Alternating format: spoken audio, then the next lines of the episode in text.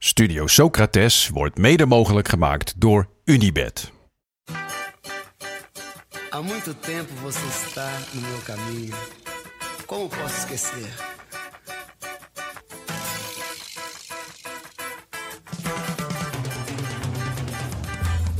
Welkom bij Studio Socrates, een podcast over alles wat voetbal mooi maakt. Elke week kijken we een memorabele wedstrijd in zijn geheel terug. Want vaak hebben we wel een beeld van een team of een speler. Maar klopt dat wel? Was dat ene team nou werkelijk zo speciaal? Hoe speelden ze nou echt? Wat kunnen we ervan leren? We gaan op onderzoek uit. Met deze week, ja, Liverpool AC Milan. De Champions League finale van 2005. No seu modo de andar. Touchdown by Cafu. In towards Gerrard!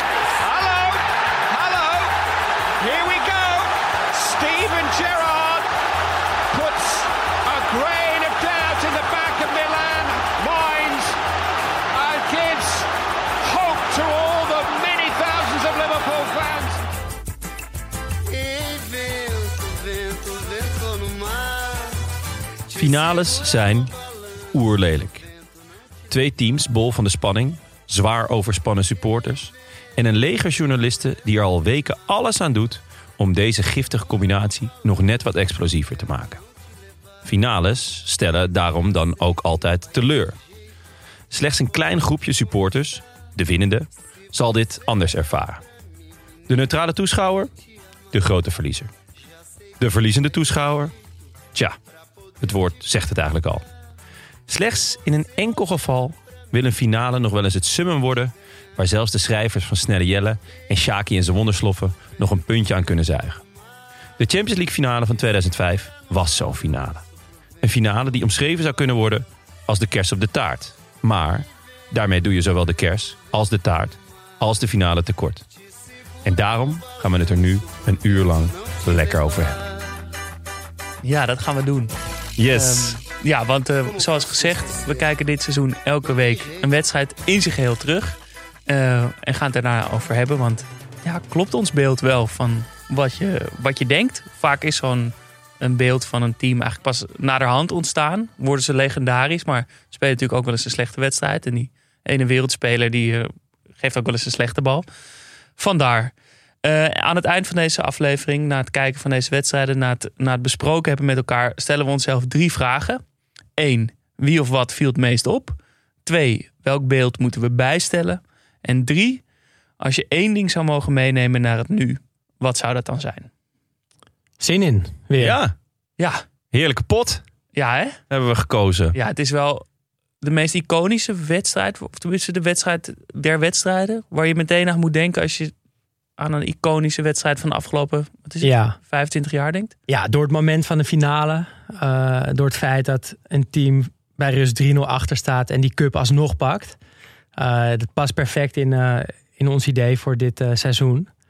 Dus die moest, eh, die moest snel ervan komen, die wedstrijd. Ja, ach, iedereen noemde hem ook wel, toch? Ja. Als we vroegen van, hey, welke moeten we terugkijken? Dan was dit het... eh, En ja, ik was ook een van de eerste wedstrijden waar ik aan dacht. En het was ook een wedstrijd die ik ook gewoon ook echt graag wilde zien. Ja, ja ik, ik moet even bekennen dat ik hem... Ik heb hem natuurlijk in mijn hoofd, maar eigenlijk met maar één beeld. Welk beeld? Ja, kom maar op dan gelijk. Dansende Dudek. Ja. ja. Dat was gewoon de, de, de dubbel D, Dansende Dudek. Gewoon die, door die knietjes, die armpjes, links, rechts. Ik doe hem nog wel eens hoor, Lowlands. Even, eh, even de Dudek doen. Jij bent nog steeds brak, hè? Ja, nou ja, goed. Het biertje gaat er wel weer lekker in al. Maar eh Ik het moet heeft vooral gekost. aan die goal van eh, Crespo denken. Ja. Die, eh, die 3-0. Oh. Ja. Goed, ehm, aan het eind van deze aflevering hebben we Paling. Daar wacht, die verplaatsen we even naar het eind. Ja. Want dat is een speciale. Een bijzondere. Een bijzondere voice memo van onze vaste columnist. Vriend van de show, Paling. Ehm, aan het eind van de wedstrijd ook. Aan het eind van de aflevering ook. ja, het voelt nu, die aflevering voelt nu ook als een wedstrijd. ja, ja, zeker. Eh, verloten we het shirt. Het Arsenal shirt. eh, beschikbaar gesteld door Special Football Shirts. Er is een winnaar. Er is een Ja, winnaar. spannend. Die twee dingen aan het eind. Yes, leuk. Dat beloven we. Ja. Ehm, eerst, voordat we aan de wedstrijd beginnen, heel even kort. Wat maakt de voetbal mooi dit weekend? Ja, ehm, klein vervolgverhaaltje. Ik, ik ben, lang geleden heb ik verteld over Davy Klaassen en dat ik zijn hond had gezien. Ja, En dat ze enorm op elkaar lijken. Wat ik echt het grappigste eh, niet-wetenschappelijk bewezen feitje aller tijden vind. Zeg maar, baasjes die op hun honden lijken en of andersom. En ik was zaterdag naar een bruiloft de hele dag op een boot. Helemaal naar de cholera, lekker eh, bier gedronken. Ik echt zwalkend naar huis, nog een hamburger gehaald. En toen kwam ik thuis en toen eh, was Emma nog niet thuis. Die had ook een feestje. jouw vriendin. Ja. En eh, ik uh, hamburger naar binnen gewerkt. Ik val echt als een blok in slaap. Ik denk dat ik nog geen tien minuten erin lag. Of Emma komt thuis. En die begint een heel verhaal tegen me. Ja. Oh, en ik was ook nog uh, voor de sponsorcommissie van Swift. Was ik op de Cornelis Schuitstraat. En weet je wie ik daar zag? Davy Klaassen. En die heeft een lelijke hond. ze zei ook... Had ook nul controle over dat beest. Dus het was... ja, hij in principe, als je met een hond op straat bent, dan, dan laat je hem uit. Maar het was in dit geval echt andersom. En het Dus is een heel klein hondje. hè? Het is niet dat hij een hele grote hond heeft die moeilijk in bedwang te houden. Nee, nee, het het is een heel klein lullig hondje. Ja, ja, en eh, ja, het, het, is- ja, it, it ain't pretty. Dus eh, ja, ik wil toch even een vervolgverhaaltje erop, eh, jongens. Leuk, leuk. Want Ja. zij wist ook niet dat jij had gezegd dat hij op zijn hond leek. Dus zij zei Nee, nee, gewoon, nee, zij die was- hond was lelijk. Ja, ja. Jij dacht, Davy Klaas is lelijk. Zie je wel. Ehm, Ja. Heerlijk. Ja. Ik eh, wilde heel veel kort hebben over de... Ja, het was toch een beetje de week van de voetbalinterviews. Drie een beetje opmerkelijke interviews. ehm, waar Frank Heijn ook een mooi stukje over schreef eh, bij, eh, VI volgens mij bij de toch? VI. Ja.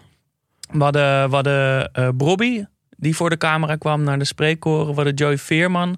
En we hadden Van Wolfswinkel, die allebei erg eerlijk waren. En Frank Heijnen brak een lans voor de eerlijkheid van voetballers. Eh, werd ook in het, in het programma VTBL, vond ik goed gezegd. Werd ook even aangehaald. Er was namelijk veel kritiek op hoe Veerman na die verloren wedstrijd voor de camera stond. En die zei, ja, ik stond in de verkeerde positie. En het lag aan de medespelers en dingen. Maar ja, dat is toch ook wel wat je wil horen als journalist. Moet je er vervolgens niet op gaan eh, zeiken. En hij wordt er naar gevraagd, hè? Ten slotte. Precies. Ja. ja. En hij, hij, ja, hij wilde gewoon graag Champions League voetbal spelen. Dat begrijpen we allemaal. Eh, van Wolfswinkel was ook heerlijk. Gaf ook zijn medespelers de schuld. Ik maar vond wel dat de een mooiste manier. eigenlijk. Ja. Ja. Goeie, goede manier. Ja. Die, het leek echt alsof die gewoon... Bij, eh, die had zo de microfoon kunnen pakken en die nog op de grond kunnen smijten. Zo boos was hij nog. Dat had me wel leuk lijkt. Gewoon een mic drop van Ricky van Wolfswinkel. Ja. Ricky Hij, hij bond op het eind wel een beetje in. Maar dat, dat had niet gehoeven voor Nee. mij. Nee. Nou goed, eh, lees die column vooral. Ik zal, niet, eh, ik zal hem niet voorlezen. We gaan naar de wedstrijd. Daar willen we het eh, vooral over hebben. AC Milan, Liverpool, Champions League finale 2005, 25 mei. ja, mooi datum. Dan is eh, mijn moeder jarig trouwens. Bedenk ik me nu. Nou, dan weten we gelijk waar je hebt gekeken. Ja, precies. Eh, ja, maar waarom, eh, waarom deze wedstrijd? Ja, we hebben het natuurlijk al een beetje verklapt net. Eh, ja, deze wedstrijd staat in ieders geheugen gegrift. En als ik aan deze wedstrijd denk, dan, dan voelt het als iets wat misschien wel niet echt gebeurd is of zo. Snap je? Iets Van, onwerkelijks. je weet dat het gebeurd is, maar je gelooft het ergens toch niet helemaal. Ja. Ehm, een van de meest bijzondere comebacks op het meest bijzondere moment wat je als voetballer naast een WK-finale denk ik kunt meemaken. Ehm, ja, en die, die wil ik gewoon, die, wil, ja, die willen jullie ook, maar die wilde ik heel graag nog een keer zien. Weet, weet jij nog waar, waar je was? Nou, waarschijnlijk in de achtertuin van mijn moeder was jarig. Waarschijnlijk gaf ik net een tafelkleed cadeau. Oh. Jij weet je nog het moment? Nee. Weet je nog waar je was? Met dit soort dingen is dat toch altijd? Ja, hoor? vaak wel, maar eh, nee. Nee, ik zou het, ik zou het niet weten. 2005, ik, eh, volgens mij was ik toen net klaar met, eh, met de middelbare school. Maar het klinkt heel En- lullig, hè? Maar misschien is dit wel zo'n finale die je... Weet je, stel je had een feestje of, Ja, of een, ja dat is, iemand, een leuke avond bij iemand thuis. Dat je op Ja. voorhand dacht van, nou, deze kan ik misschien wel missen. Ja. ja. Ja, ja, het zou, het zou best kunnen. Ja, ik, ik, ik weet, ik dronk toen heel veel. dus eh, ja, daar- Maar heb je hem gezien? ja, ik heb hem wel gezien. Ja, ja, ja, nee, zeker. Maar ik weet niet meer waar. Jij? Ik zat eh, op een eh, zolder ergens in Frankrijk in een oude schuur op werkweek met Oh, eh, een paar zeggen. mensen uit mijn klas. Klonk eerst een beetje alsof je opgesloten zat. Nou, ze Ah, het wel. Het was een verschrikkelijke werkweek. We Ja? werden echt afgebeuld. Maar die Champions League finale, die hebben we gekeken met meegesmokkelde biertjes. Is dat die werkwerk dat je moest eh, schilderen? Dat je, eh, Nee, ik deed die- fotografie. Maar Oh. ja, nou, ik zal je daar niet mee vervelen. Maar het was Oh, ik was eigenlijk wel nieuwsgierig. Werden jullie gefotografeerd? Of, En wij jij- moesten zelf fotograferen, maar uiteindelijk had ik helemaal geen rolletje in mijn camera volgens mij. Moest ik vooral, heel- Vrij essentieel. er was er steeds geen eten en verveelden we ons de hele tijd. En de, de Geen leraren eten? waren vervelend. Ja, ja, die, nou goed. Ja, nou ja klinkt Ehm, wel als Montessori. Waar hadden jullie het meest zin in? Nou ja, ehm, naast de Dancing Dudek, waar ik natuurlijk gelijk aan moest denken. En ik denk dat het voor, voor veel van ons geldt. Ja, toch gewoon Clarence. Eh, ik, eh, ja, ik ben echt, echt fan van Clarence. Zowel van de voetballer als de persoon. Eh, ik heb zijn eh, biografie meerdere malen gelezen. Dat is echt een genot. Ehm, en eh, dit waren zijn beste jaren, zijn prime. En volgens mij gold dat voor heel Milan. Ehm, eh, wat een heerlijke ploeg. Echt een schitterende ploeg. Eh, ze zeggen wel eens dat je niet meer dan één kapitein op een schip moet hebben. Maar dit was gewoon een schip met alleen maar kapiteins. Ja, maar dat het wel werkbaar was. Ontzettend werkbaar. Misschien is dat wel het devies. Of één kapitein, of allemaal een kapitein. Ja, want iedereen die erin stond, had gewoon eh, karakter. Gewoon echt, er, was, er, er loopt geen grijze muis bij. Nou, sterker nog, iedereen had in principe de aanvoerder kunnen zijn. En Ja. dan was het niet raar geweest. Nee, gewoon echt totaal niet. Van, van, ja, van Toch, de je- linksback die de aanvoerder was. Ja, tot, tot de, de, de, de spits die, die werelds was. Ja, het, er, zit gewoon geen zwakke schakel bij. Eh, en, en, dat wilde je ervaren. Dat wilde je zien. Ja, ja, zeker. En eh, ja, Milan, eh, toch ook een speciaal plekje voor in mijn hart, denk ik. van alle Italiaanse clubs is het toch, ja, toch de schoonste Ja. voor mij. En eh, zijn natuurlijk echt ver weggezakt daarna ook. Wat, wat toch gewoon eh, ja, niet goed voelt. Het, het voelt gek. En, en dit, ja, veel mooier dan dit team. Het- ik vond de balans ook perfect daardoor. Doordat ze Ja. allemaal sterke karakters hadden. Maar ook allemaal heel goede voetballers waren die heel compleet waren. ja, maar daarop inhakend, want dat is waarom ik deze wedstrijd zo graag wilde zien, is hoe kan het dan dat dit AC Milan een 3-0 voorsprong in de rust tegen een vrij pover Liverpool heeft kunnen weggeven? Ik wil daar een verklaring op. Dat, dat was mijn Ja. grote doel met het terugkijken van deze wedstrijd. Dan gaan we dat, dan gaan we dat doen. Toch? Ja, ja, ja. zeker. Ja. Ja, Jas? Ik had zin om die eerste helft te kijken. En dan met een soort met dat prettige voorgevoel van wat er gaat komen. ik, ik weet dat er een scène is in een Jackass film dat ze. Dat ze een hele grote hand om een hoekje hebben gespannen. En dat een hand echt van, van twee meter gro- groot is. En dan komt er iemand aanlopen en dan klapt die hand het hoekje om. En die slaat diegene voor zijn gezicht. En dan zie je dus in dat shot zie je, dat, zie je die hand al om het hoekje klaarstaan. En dan zie je iemand uit de verte komt er een van die Jackass types heel rustig aangelopen met een bekertje koffie. En dan zit je natuurlijk al handen wrijvend voor die tv. En dan is dat eigenlijk die, die, de opmaat naar die klap is veel leuker dan Ja. de klap zelf. Dus daar had ik eigenlijk vooral zin in, in die eerste helft. Wetende wat er gaat komen. Wat een schitterende metafoor. Ja, prachtig, Dankjewel, ja. dankjewel. Zeker, ja. Heb je dat geleerd eh, op je werkweekfoto? Nee, ik heb helemaal niks zo, geleerd. deel je, denk je in beelden. Eh, goed, even de context. Eh, een finale tussen twee teams die toen ook al tot de absolute koninklijke familie van het, van het Europese voetbal eh, behoorden. Eh, toch eerste keer ooit dat ze tegen elkaar speelden. Echt? Ja. Wauw. Tiende finale voor Milan van de Champions League, waarvan ze er al zes wonnen. Eh, twee jaar daarvoor ook al, in 2003. Eh, de zesde finale voor Liverpool, wel allemaal lang geleden. Eh, meer dan 20 jaar. Maar in 2001 wonnen ze nog wel de UEFA Cup. En het jaar daarvoor had Benitez, de coach, nog de UEFA Cup gewonnen. Onze Spaanse buschauffeur. Precies, zo ziet hij er wel echt uit, hè? De, de Fred Teven van de voetbalvelden. Maar goed, toch, ondanks dat het twee ja, eh, elite teams van Europa zijn, was het op papier be- ja, bepaald geen eerlijke strijd. Milan was de Serie A geëindigd als tweede, dus al verzekerd van een jaar Champions League. Liverpool zwaar de want vijfde geworden in Premier League. Was allemaal niet echt overweldigend. Ze moesten zich, ja, het was nog maar de vraag of ze eh, Champions League veilig zouden kunnen stellen als ze zouden winnen. Daar was nog eh, debat over. Eh, dus eigenlijk dat Milan ging winnen stond voor veel mensen vast. Zoveel sterren, zoveel ervaring. Maldini had hem al vier keer gewonnen. Seedorf al drie keer bij drie verschillende clubs. Bij elkaar 575 Champions League wedstrijden in de selectie van Milan. Tegenover 250 van Liverpool. Dus dat is gewoon meer dan twee keer zoveel ervaring. Eh, en zelfs Carragher dacht dat Milan favoriet was. Dat kan je natuurlijk een beetje als in de underdog positie manoeuvreren noemen. Maar dat was al zo erg, dan is het denk ik niet slim om het te zeggen. Maar twee mensen op aarde zeiden... Nou, dat Liverpool dat heeft misschien wel een kansje. Dat was natuurlijk Benitez zelf, de coach. Maar ook die rare Franse professor uit eh, Londen. Vanuit zijn slaapzak. Vanuit zijn slaapzak. Wenger, die zei... Nou, dat, dat Milan is, is fysiek iets minder sterk. Zijn vermoeid. De wil om te winnen is er misschien een beetje af. Ik denk dat Liverpool gaat winnen. Ah, nice. Ja, ik weet nog wel, want eh, het was best een verrassing dat Liverpool in de finale stond. Eh, Ze kwamen net de groepsfase door. ja, eh, tweede geloof ik achter Monaco. Ehm, het was ook absoluut geen wereldploeg. En ook in Engeland werd het toch een beetje, ja, een beetje neergekeken op, op Liverpool. Ook natuurlijk al heel lang. En ook heel lang daarna nog geen eh, kampioen meer geworden. Maar ook gewoon, het was niet echt de top. Dat ze die UEFA Cup wonnen, ja, was prima. Maar ook echt niet meer dan dat.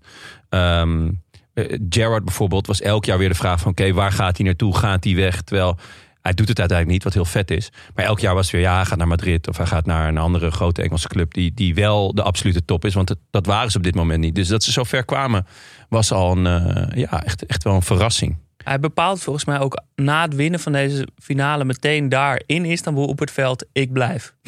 ja, nou ja, dat, dat geeft ook ja, heel vet. Maar het geeft ook wel eh, iets aan over de status van Liverpool. Die absoluut niet dezelfde status is eh, die ze nu hebben. Het was toen vooral een, een club met een, een roemrucht verleden. En niet een heel rooskleurige toekomst. Nee, want als je naar die opstelling kijkt, dan, ja, dan zie je in Liverpool dat het eigenlijk een wonder is dat ze hier überhaupt in die finale staan. Op goal, Jersey Dudek, van rechts naar links achterin, Finnen, Carragher, Hipia en Traoré. Eh, voor de verdediging Gerrard en Xabi Alonso. Dan drie man op de aanvallende middenveldposities. Riese, Harry Kewell en Luis Garcia. En in de spits Milan Barros. Nou, dat is echt geen Champions League waardig elftal. Nee. Helemaal niet als je het tegenover het elftal van Milan eh, zet. Dida op de goal. Van rechts naar links Cafu, Nesta, Stam, Maldini. Pirlo, Seedorf, Gattuso en Kaká op het middenveld. En voorin het dodelijke spitsenduo Shevchenko en Crespo. Schitterend. En dan heb je bij eh, Milan nog Rui Costa, Thomasson en Serginho... die er op een gegeven moment inkomen. En bij Liverpool Cissé, heerlijke spits trouwens. Gibril. Gibril Cissé, Smitser spits. en Hoe krijg Haman. je het uit je mond? Ah, dat is toch een lekker spits. ja, kom nou. Zo'n ongeleid projectiel. Ja, maar hoe die eruit ziet. Ja, hoe die eruit ziet. Ja, nee, tuurlijk. Hij heeft Eh, een, een, een- het is de hij heeft Elton John van de, van, van de velden. Maar ja, dit hij kon Als hij een helemaal bril op niks. had mogen hebben, had hij het gehad. Ja, zeker. Maar hij heeft voor, voor zijn doen nog Cissé. een vrij ingetogen kapsel. Vond ik. Ja, ja. Kort blond. Met een mini hanenkammetje. En dan achterop, op zijn achterhoofd, twee soort Mortal Kombat draken. Ja. Ah, ik, vond het, ik vond het heel vet om hem opeens langs de zijlijn te zien staan en dat hij erin kwam. In het veld heeft hij inderdaad niet heel veel goed gedaan. Oh. Maar ik vond het heerlijk om hem even in actie te Ja. zien. Ik verheug, op dat soort spelers verheug ik me dan wel elke keer met het kijken van zo'n wedstrijd. Van, Ja. Hoe ziet dat er nou? Ja, en er komt telkens eigenlijk bij elke wedstrijd die we tot nu toe gedaan hebben, is het, er komen er hele leuke wissels binnen de lijnen. Julio Baptista bij Real Ja. natuurlijk vorige week. Eh, nu weer Cissé. Maar eerlijk, als je Cissé neerzet bij Heerenveen... Dan, dan, dan zou je er toch gewoon geen stuif voor geven. Nou ja, Topscorer van Frankrijk geworden het seizoen ervoor. Werd wel echt ge- gehaald als, als grote man die, ging het, die het allemaal opnieuw ging doen. Ja, Maar hij heeft er- was is weg. hem niet gelukt. hij heeft het daarna niet waargemaakt. Nee. Maar toen, toen der tijd waren de verwachtingen wel hoog, denk ik. Ja, oké. Nou, dan gaan we naar, eh, naar de wedstrijd. Eh voetballia.net natuurlijk weer. Ehm, de uitzending begon voor mij in ieder geval echt meteen op het veld. Dus niet in de catacombe. Dat was jammer. Er was geen beeld van hoe de spelers het veld op kwamen lopen. Ehm, maar jij had dat anders, hè Jas? Ja. Of niet? Ja, normaal kijken we dus alle drie op voetballia.net. Shout-out. Er staan dus alle wedstrijden ter wereld ongeveer eh, staan er wel iets geheel op. Eh, maar bij mij laadde dit niet goed. Ik weet ook niet waarom. Eh, dus ik heb het op een of andere rare site gekeken. En daar zat het begin wel aan. En daarin... Dat is wel lekker. ja, Kom je er toch altijd lekker erin, ja, vind ik wel. Even die Ja, nu begin ik echt meteen bij de aftrap bij, eh bij voetballia. Maar wat mooi was, was dat Cafu als eerste het veld opliep. Met een brede glimlach. Echt prachtig. Eh, en had sowieso een goede look met dat hij had korte mouwen en dat witte shirt van, eh, van eh, Milan. En dan een, dus korte mouwen, maar wel met een zwart kolletje. Heb, Ja, vet. heb jij wel eens met een kolletje gevoetbald? Nee, ik deed ook sowieso nooit ondershirts aan. Ook, ook niet in de winter, omdat ik dat heel onprettig vond zitten. Ik ook. Ik kreeg er zo benauwd van Ja. altijd. Ik maar kan dat komt waarschijnlijk omdat wij toch net iets, iets te veel kilootjes daar zitten. Ja. Maar ehm, ja, wat ik wel zag, dus ja, nog wel vlak voor de aftrap, ehm, zo'n team brawl, zeg maar. Dat ze in een cirkeltje zo even bij elkaar. ja, zo rond de, Huddle. rond de middencirkel, Liverpool allemaal bij elkaar en Gerard die, die de manschappen toespreekt. Ja, dat is volgens mij iets wat wel uit het voetbal verdwenen is, toch? Ja, is, gebeurt dat niet meer? Ik zie dat echt nooit meer. Op EK's en WK's natuurlijk volgens mij wel gebeurd. Ja? Ja. Oude voetbal volgens mij ook veel. Maar in clubvoetbal heb ik het inderdaad... Nee. Ik heb, in clubvoetbal zie ik het voor mijn gevoel echt nooit meer. Maar Misschien ook waarschijnlijk omdat heel veel jongens bezig zijn met een super ingewikkelde handshake. Die ze allemaal met iemand anders hebben. nou ja, ik, dacht, Ja, dat kost ook gewoon een kwartier per wedstrijd, denk ik wel. ik dacht misschien dat het ehm, soort van, volgens mij is tactiek nog veel belangrijker geworden. En zijn die spelers voor hun gevoel en vooral voor het gevoel van de trainer zo goed geprepareerd van tevoren. Dat zo'n cirkeltje met z'n allen een beetje lullig.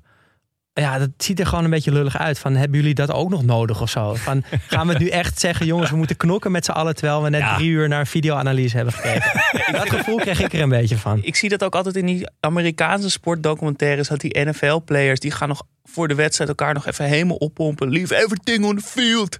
Ja, vind ik altijd ook, wel ja, lekker. Weet je, die coach Carter maar je kan het toch niet gevoelens. elke wedstrijd doen?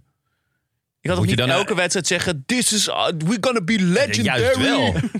Juist wel. Als je, als je een potje gaat overslaan, dan denk je ook van ja, hè, we hebben niet eens een huddle gedaan. Ik ga niet rennen vandaag. Ik ga in ieder geval niet sliden. Broekje, eh, broekje is schoon als ik van het veld ga. Ah, Liverpool deed het dus wel. Ja. En, en Milan, Milan deed het niet. Dat, dat viel me op. En, Nou, eh, en? Het, het was fijn dat het commentaar Engels was dit keer. Ja. Eh, dus dat ik daadwerkelijk kon horen wat Ja. de commentator te zeggen had. En dat was, wel mooi. Zelfde commentaar volgens mij als bij FIFA, toch? Hij had een hele bekende stem. Ja. Bekende John, stem. John Motson of Andrew Ja. Townsend of zo. Ja. In ieder geval een, eentje die je vaker Echt gehoord wel hebt. prettig. eh, zo- Zo'n oude BBC-verdette die gewoon... eh, Ja. ja, Super partijdig. Ze waren heel erg op de Ja, hand ja, van eh, ja. Liverpool. Dat en, is echt lekker. Maar ze waren wel goed geïnformeerd. Ik vond het heel vet aan het begin. Zei ze, it is a quite a breezy night in Istanbul. En toen legden ze dus uit dat de hoeken van het stadion zijn wat lager dan de rest van het stadion. Waardoor daar dus wat meer wind naar binnen kan. En toen vertelden ze ook dat Liverpool eerste helft de wind tegen had. Ah. Dus dat daar ik, lag het nou, dan vond ik wel echt een heel vet detail ja, eigenlijk. ik ook wel een vet detail. Ik, vond ze, ik vond ze ook lekker een beetje cynisch. Ja. Een beetje passief-agressief. ja ze durfden ook gewoon geintjes te maken. Ja, de, Spitzer moet er vrij snel inkomen in de, in de derde minuut of zo al. Omdat Kuhl geblesseerd is. En dan staat Spitzer, moet nog zijn veter strikken. En dan gaan ze ook een beetje lullig daarover doen. Van ja, nou, je kan maar beter inderdaad schoenen aantrekken als je gaat voetballen. Zo. Dat vind ik wel lekker. Ja. En ook een, een mooie quote die ik niet eerder hoorde, eh, was bij de zoveelste diepte steekbal op uh. Zeiden ze, another slippery through ball to Shevchenko. Dat Ja. slippery, dat, Dat dat slippery dekt de lading wel, omdat Ja. het vaak, eh, er zat vaak een klein chipje in. Dus die, in die balletjes, net over iemands voet, net even. glibberde. ja, het, het, ja, het, het glibbert, het slang. hobbelt. Ja, ja. Nee, ik, ik zat eigenlijk gelijk lekker in door de, door de shirts aan beide kanten. Ze hadden allebei iets glimmends, waardoor, ja, dat kan twee kanten op. Of chic, of ja, fout.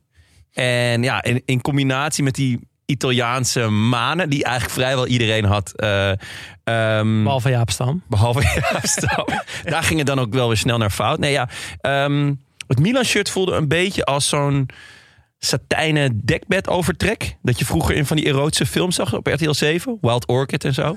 Ja, ja, ja. Ik hoorde gelijk zo die... Die, niet. die, ja, die ken je niet. We zitten druk met fotograferen zeker. Nee, ik hoorde gelijk zo die, eh, die, die foute saxofoon erbij. Maar ik vond het wel echt mooie shirts. Echt, eh, nou, ook nog lekker ruim zaten Ja. ze. En die van Liverpool, die glommen ook een beetje. Maar door de kleur voelde dat meer als het doek van een theater. Dat, dat open en dicht mooi. kan. Weet je wel? Dus eh, ja, dit, eh, ik, ik, ja, ik vond die shirts, met name Milan, vond ik echt, eh, echt schitterend. Maar sowieso als een soort, het le- leek wel bijna geregisseerd. Want Milan helemaal wit met Ja. rode rugnummers. Ja. En Liverpool helemaal rood met witte rugnummers. Dat is Ja. nog zo mooi. En, negatief van elkaar. ja, en Dida eh, met gouden rugnummers. Ja. Die had een eh, groen shirt aan met goud, Dida en dan Ja. 99 of zo, zoiets. En witte lotto's. Ja, oh, wat waren die mooi zeg. Zo, de knetter. Zag er heel goed uit. Dan heb je wel cojones hoor. Als je met gouden... Je bent keeper. En dan gouden eh, rugnummers en witte lotto's. Hij kon het hebben. Ja, hij Goed. kon het zeker hebben. Behalve de tweede bal trouwens. Die had hij moeten hebben. Goed, Liverpool heeft zich helemaal opgepompt. Zijn zwaar de underdog. Hebben een eh, strijdplan hoe ze van dit, eh, van dit Milan gaan winnen. Er wordt afgetrapt. En het staat 1-0 voor Milan. Ja, de bal, Strijdplan eh, kan de prullenbak in. ja. de bal komt bij KK terecht, een beetje rechts op het veld. En die eh, passeert de linksback Traoré. Die een overtreding moet maken. Eh Pierlo gaat achter de bal staan. En dan gebeurt er wel iets interessants. Namelijk dat alle koppers van Milan verzamelen zich echt in, in de 16. Rond, rond de penaltystip ongeveer. Er Eh, zijn er wel wat hè. Dat zijn er wel wat. Eh, en Nesta onder andere, Stam natuurlijk. Maar Maldini blijft een beetje hangen op de rand van de Ja. 16. En Pierlo trapt die bal. En hij vertrekt van zijn voet. En ik denk, hmm, Ja, Dit- ik had precies dit- hetzelfde. dit klopt niet, Wat een slechte vrije wat trap. een slechte vrije trap. En opeens loopt Maldini dat beeld in. En die volleert hem van, nou ja, wat zal het zijn? 13, 14 meter Ja, denk ik. Volleert hij hem met rechts zo de goal in. En ik dacht, dit moet wel een variant geweest zijn. 100% Want eh Pirlo snijdt hem namelijk helemaal niet scherp aan. Het, het- hij trekt hem bijna terug. Ja, Eh, en inderdaad, eh, Maldini komt vrijwel uit niets. Staat daardoor ook helemaal vrij. En kan hem gewoon vrij, eh, vrij inschieten met een stuit. Echt, echt een knappe goal. En we hebben natuurlijk die, die spe- zomerspecial over Maldini gemaakt. nou, inmiddels denk ik 1, 2 maanden geleden. Toen moest ik na afloop zeggen... ik moet mijn beeld over Maldini bijstellen. Hij was veel beter dan ik dacht. Eh, hoe was dat voor jullie nu je hem 90 minuten aan het werk hebt gezien? Nou, eh, ik moest het dus nog scherper stellen, het beeld. Hij was Ik- nog beter. Ja, ik was echt onder indruk van zijn voetenwerk met name. Dus in, ook in de kleine ruimte. ehm, ah, zelfs na die special die we hebben gemaakt, had ik hem niet zo technisch voor ogen. Ehm, op een gegeven moment gooit hij gewoon op links buiten. Gooit hij nog even een schaar eruit langs de lijn. Geeft daarna een, een matige voorzet. Maar gewoon alleen al het feit dat hij dat deed, geeft aan eh, dat hij het kon. Kijk, als je iets niet kan, dan doe je het niet. Zeker niet op die leeftijd. Dan weet je wel van, nou, hè, dat doen we maar niet meer. Maar gewoon, hij werd ook regelmatig dat hij werd aangespeeld in de drukte. En dan even balletje eh, goed aannemen, gelijk doorspelen. Heel vaak naar voren. Nee, ik was echt, ja, het, het was nog beter dan, dan, eh, dan ik altijd die special had gezien. Ehm, ik weet niet of het nog beter was, maar ik was wel. Ik voel me nu namelijk ook extra verbonden met hem. En omdat het een beetje mijn aflevering was die we hebben opgenomen deze zomer. Ga je deze gewoon claimen? Jij gaat Nou, gewoon Maldini niet helemaal claimen voor jezelf? Eh, Nee, ik zeg het niet. Ik claim, maar hij voelt gewoon nog best wel dichtbij nu. ik heb natuurlijk al een keer een droom gehad dat, Ja. dat we vrienden waren. Ja. Wat de hele reden was voor die special. Ehm, en eh, dus nee, het viel zeker niet eh, teleur. Hij heeft de uitstraling van een, van een centrale verdediger, maar dan met de techniek van een, van een eh, rappe, elegante linkse. of- Ja, buiten. ik vond hem ook gewoon nog beter inderdaad dan ik dacht. Zelfs na die special. Echt Ja. in alles fantastisch. Ja. Echt heel goed. En hij had Ehm, ook al een goede look. Ik denk ja. zijn beste met die beetje platte, natte lok op zijn voorhoofd. Ja. En dan een klein eh, armbandje. Een stoffen armbandje. Dat is ook Witte kiksen. ja, Ja. Ah, was echt mooi. 1-0 Echt schitterend. Milan dus. En dan eh, gaat het spel verder met wat kleine kansjes over en weer. weer vooral uit standaard situaties. Eh, voordat Milan eigenlijk zo rond de 25e, 30e minuut het heft echt eh, in handen neemt. Ja, Liverpool. Ik dacht, nou, die worden gewoon totaal van de mat geveegd. Maar dat viel wel mee, vond ik. Dus Ze krijgen Mm. meteen na die goal. Krijgen ze meteen best wel twee kansen. Ja, ik, Of is het, ik vond is het dat wel... zo dat, het- dat, dat, dat Milan ze dat ook gewoon even liet? Dat kan ik me niet voorstellen, maar ik vond wel... Milan was volledig in control. Ehm, er ging nog wel een hoop mis bij Milan. Als in, eh, het spel is heel direct. Totaal niet Italiaans. Eh, ze zakken niet in. Eh, eigenlijk vrijwel elke bal die ze krijgen... gaat zo snel mogelijk naar voren. Stam stoomt ook een aantal keer mee op. Klopt. Er staat trouwens links in de verdediging. Vond ik best opvallend. Ehm, eh, dus links centraal. Eh, maar heel vaak eh, dat, dat, dat gelijke middenvelder wordt ingespeeld. En die middenvelder, het eerste wat hij doet is, is zoeken naar de spitsen. Die natuurlijk echt eh, buitengewoon slimme spitsen waren. Shevchenko heb ik echt... Die had ik als een soort van... Ja, ja, halve balletjeswachter in mijn hoofd. Nou, hij heeft, vorige keer hebben we het over hiërarchie gehad.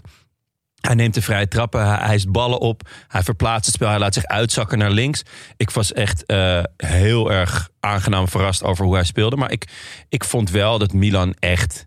Er wa- was maar één ploeg die, die ging winnen. En misschien dat het, dat het zich niet direct in kans of zo omzette. Maar wel in, in heel duidelijk. eh, wij zijn de baas, wij gaan eh, dit varkentje wassen. Ik vond, wel, ik vond ze wel echt heel veel. Ja, echt indrukwekkend ook. Ja, ook echt vanaf- leuk om te zien. Vanaf de 25e, 30e minuut wordt het echt steeds meer. Dan komt Liverpool er helemaal niet meer uit. Alleen nog maar lange ballen op Barros. Die tussen Stam en Nesta in staat, gedekt. Ja, Wat, wat, wat moet je daar nou mee? Ja, En en, het- en heel af en toe valt een bal goed in de, in de 16 van Milan. Wordt het nog een heel klein beetje gevaarlijk. Ehm, zo ook eigenlijk in de aanloop naar de 0-2. Ehm, waar Maldini de bal met een sliding op zijn hand krijgt. Ja, volgens mij. Nee, dat was de, de, Of de Nesta? commentator Nesta. zegt eh, Maldini, maar Oké. het is Nesta. nee, het was. Nesta. klopt. Ja, maar ik denk terecht dat de scheids niet voor een penalty fluit. Vond je? Ja, ik vond het... eh, Ik denk, ja. Ik vond het een Denk heel domme sliding. ja. Gewoon, eh, en ja, je hoort dan best vaak zeggen: ja, als je in de 16 mm, een sliding maakt, dan, dan kan hij tegen je hand komen en dan kan je hem krijgen. Ik denk, als iemand gegeven, hadden ze echt niet mogen klagen. Want die sliding was nog totaal niet nodig. Hij gaat heel vroeg naar de grond. En daarna, ja, vond ik, ik vond ook niet dat hij zijn arm weghaalde. Maar goed. Maar goed, Liverpool staat nog een beetje te appelleren. Ja, en de bal komt via, via het middenveld bij Pierlo terecht. Die Kaka tussen de linies vrij speelt. Wat trouwens, ja, daar zijn ze de hele tijd naar op zoek. Ja. Dat dus Gerrard of uh, Xabi Alonso doordekt op Pierlo. En dat Kaka in, in de rug van een van die twee kan vrijlopen. Gebeurt nu ook. Die krijgt die bal, ste- steekt met hele lange passen zo het veld over. Zo mooi om te zien. Echt prachtig. En die geeft Zulke mooie passen. ja, dat doet Ja. hij echt zo mooi. En die geeft een ja, klein paasje op Shevchenko en Crespo die elkaar kruisen. Ook zo mooi, zo'n loopactie dat de een de ene kant op gaat en de ander. Ja, dus Crespo komt van rechts, trekt hij naar links. Eigenlijk schuin Ja. voor, voor Kaka langs. Maar moet daardoor door het centrum van de verdediging heen. En die beukt er echt met zijn ellebogen als een soort horde. Slaat hij even Hypia en Carragher o- opzij. Ja. Hij gaat er echt tussendoor. Maar je ziet ook van dat zij heel erg aan het twijfelen zijn. Oké, moet ik geef hem over, maar weet je, let, let dan wel op, neem hem ook over dan. Eh, en ja, ze spelen die verdediging uit elkaar. Want Kaka kan de bal meegeven aan Shevchenko. Die hem denk ik toch met een klein beetje geluk breed legt. Tussen Ja. een beetje schot en voorzet in. Komt bij Crespo terecht. Ik had het idee dat hij hem eigenlijk voor eh KK ja, dat hij hem terug eh, op Kaka wil ja. leggen. Ja. Ja. Maar komt bij Crespo terecht en die kan de 0-2 intikken. En dat is op dat moment ja, meer, dan, meer dan terecht. Meer dan terecht. En, Absoluut. en het, nou, Jonas zei het net al een beetje. Ik vond dit, die tactiek van Milan. Hè? Dus, Ja. dus met die kruisende spitsen. Maar ook inderdaad dat als een middenvelder wordt ingespeeld. Dat het meteen op zoek is naar, naar de spits die een loopactie in de diepte maakt. Dat gebeurde de hele tijd.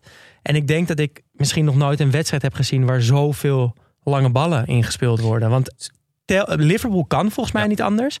En bij Milan is het gewoon een, ja, een gekozen tactiek die ook heel goed werkt. Ik Want wou net zeggen, want het zijn geen eh, eh, lange ballen waar niet over is nee, nee, nagedacht. nee. Het is, je, ziet, je ziet Shevchenko veel een beetje uitzakken naar de, naar, naar de rechtsbuitenpositie. Een beetje bij Ja. Traoré om in zijn rug vrij te komen. En Crespo doet een beetje hetzelfde aan de andere kant. Waardoor dat centrum eigenlijk lucht staat te dekken. Ja. Ik vond het heel, eh, heel interessant om te zien. Maar ik denk, het is Zeker. niet alleen de eerste helft, maar de tweede helft. En de verlenging is uiteindelijk volgens mij alleen nog maar lange ballen. ja. En door die loopacties van eh Shevchenko en Crespo ehm, is het andere gevaar, namelijk het inspelen van KK, eh, die vervolgens met die grote passen en snelheid en ook die passeeractie die hij heeft, eh, vrij kan komen. Want dat is waar dan eh, de ruimte komt. ja. En ja, dat. Dus het was elke keer van. Een, een middenvelder of een verdediger van, van Milan had de, had de bal. Keek, oké, kan, hij, kan hij lang gaan maken zij die actie. En anders, hop, speel je zo snel mogelijk KK in. Ja, het was echt, echt heerlijk om naar te kijken. En dat gebeurt bij de 0-3 eigenlijk weer. Ja. Gerard speelt een eh, slechte bal in. Die wordt onderschept. En komt eigenlijk weer bij eh Pirlo terecht die Kaka inspeelt. Kaka die krijgt een drukzettende Gerard in zijn rug... die zijn eigen fout eigenlijk wil goedmaken... maar draait schitterend weg bij hem. En geeft die ene paas. Ja. die was Ja. nog mooier eigenlijk dan ik dacht. Dat ik die goal vaak heb teruggezien. Want Die gaat eerst na 10 meter of zo gaat hij al langs een verdediger. En dan na nog eens 10 meter, nog één volgens mij. En dan na 30 meter krult hij om de, de verdediger heen. En daar komt Crespo uit zijn rug gelopen. En die, ja, die komt in zijn passen precies uit met zijn rechtervoet bij die bal.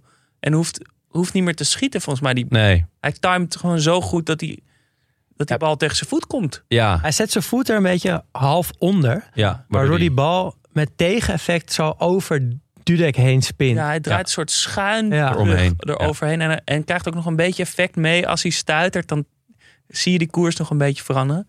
Ik denk dat deze goal in de top drie favoriete goals van mij staat. Zo, Is En een wa- grote wa- uitspraak. vind ik een grote uitspraak. En door, door Crespo ook of door Kaka? Een soort door de puurheid of zo. Ja. Door die paas en dan die ook gewoon maar een paas is. En dan dat uitkomen en dat die bal zo mooi stuitert. Gewoon puur de esthetiek, gewoon hoe die bal valt. Je ziet ook in die herhaling heel erg dat eh, Crespo wacht het moment van dat effect. Van die eerste stuit na dat effect wacht hij ook af, even voor de zekerheid. Ja. Van volgens mij heb ik hem zo geraakt dat hij die kant op stuitert. Oh ja. hij blijft ja. kijken en dan Ja. ziet hij dat hij goed stuitert. Ja. En dan draait hij om, want dan weet hij, oké, Ja. hij, hij rolt de goal in. Ja. Ja, maar het is zo puur, zo klein, zo elegant. In dat op zo'n moment. Ja, Mooi. ja en over elegantie gesproken, Kaka. Ah, ik ben blij dat je hem nu Kaka noemt. Niet Kaka. Kaka. Eh, Kaka.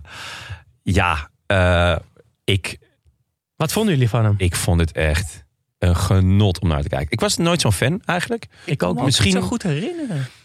Misschien komt het omdat het niet op het eerste oog niet de meest spectaculaire speler is. Ik hou natuurlijk wel van, van spelers eh, die ja, gewoon die trucjes doen.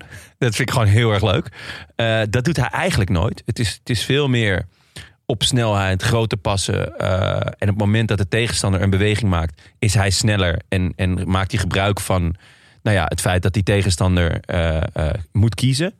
Ehm, maar wat hij in deze eerste helft liet zien, echt fenomenaal.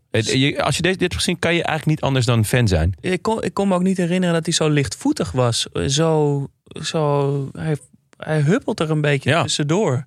Maar dat is, En dan die, en dan die passes die hij geeft zijn ook nog eens... Al die creativiteit komt wel bij hem vandaan. Ja, maar die, die grote passen, waar, waar denk ik iedereen hem van kent, dat strookt niet met het beeld van een mooie, gracieuze, elegante voetballer, vind ik. Want ik moet dan altijd denken bij hele grote passen aan ja, Lucio of zo, of, of Mitchell. Mitchell Dijks of Stam.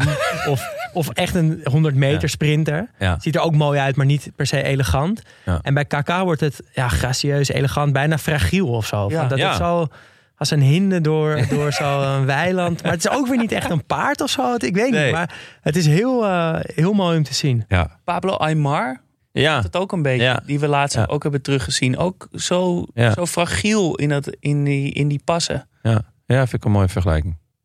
Ja, eh, het, het was echt smullen. En dan is het eh 0-3 en eh, niet heel veel later eh, rust. En ik dacht echt, hoe gaat Liverpool in godsnaam ook maar één doelpunt maken? Maar Milan leek echt van beton. Toch gewoon een blok. Alles, geen enkele positie, ook maar een scheurtje Nee. vinden. Ik heb echt genoten van die eerste helft. Schitterend voetbal met alleen maar schitterende voetballers en Liverpool. Ja, Het was gewoon, ja, was die waren er ook. Maar het was niet dat, je, dat die ook maar iets, ten eerste iets met voetbal te maken hadden. Want ik vond ze echt nep. Gewoon ook gewoon geen enkele vette speler eigenlijk. Ehm, terwijl ik toch echt groot fan werd later van Xabi Alonso. Eh, en Gerrard had ik toch ook altijd echt een zwak voor. Maar hier, ze werden echt... Nou ja, ze, ze deden nauwelijks mee, vond ik. Nee, ze kwamen er to- totaal niet aan te pas. En ik, ik, ik heb wel eens die verhalen gelezen dat die Liverpool-spelers met 3-0 achter in de kleedkamer zitten en dan nog die fans horen. eh, die blijven zingen, ook al staan ze 3-0 achter en ook al staat er niemand op het veld. Ehm, maar ik heb het niet echt gezien. Die, ja, het is ook misschien moeilijk om dat terug te zien op televisie, maar ik zag nou niet die heksenketel die die Liverpool-spelers of die fans gaven. Nou, in de, in de rust nog niet. Maar ik- in de tweede helft komt dat op een gegeven moment wel natuurlijk. Pas als ze terugkomen, Ja. dan merk je dat het op gang komt. Maar ik heb het Ja. niet van tevoren die onvoorwaardelijke steun Nee. gezien. Nee, maar dat, Waarvan dat- ik dacht dat, dat dat misschien de reden was dat ze terugkomen. Het lijkt me ook heel sterk toch dat hij er toen was. Laten we wel wezen, Ja. je bent in Istanbul. Je hebt eh rammend veel geld neergeteld voor een kaartje. En je wordt gewoon helemaal zoek gespeeld. Je staat 3-0 achter bij rust. Ja, ja, ik zou niet gaan zingen.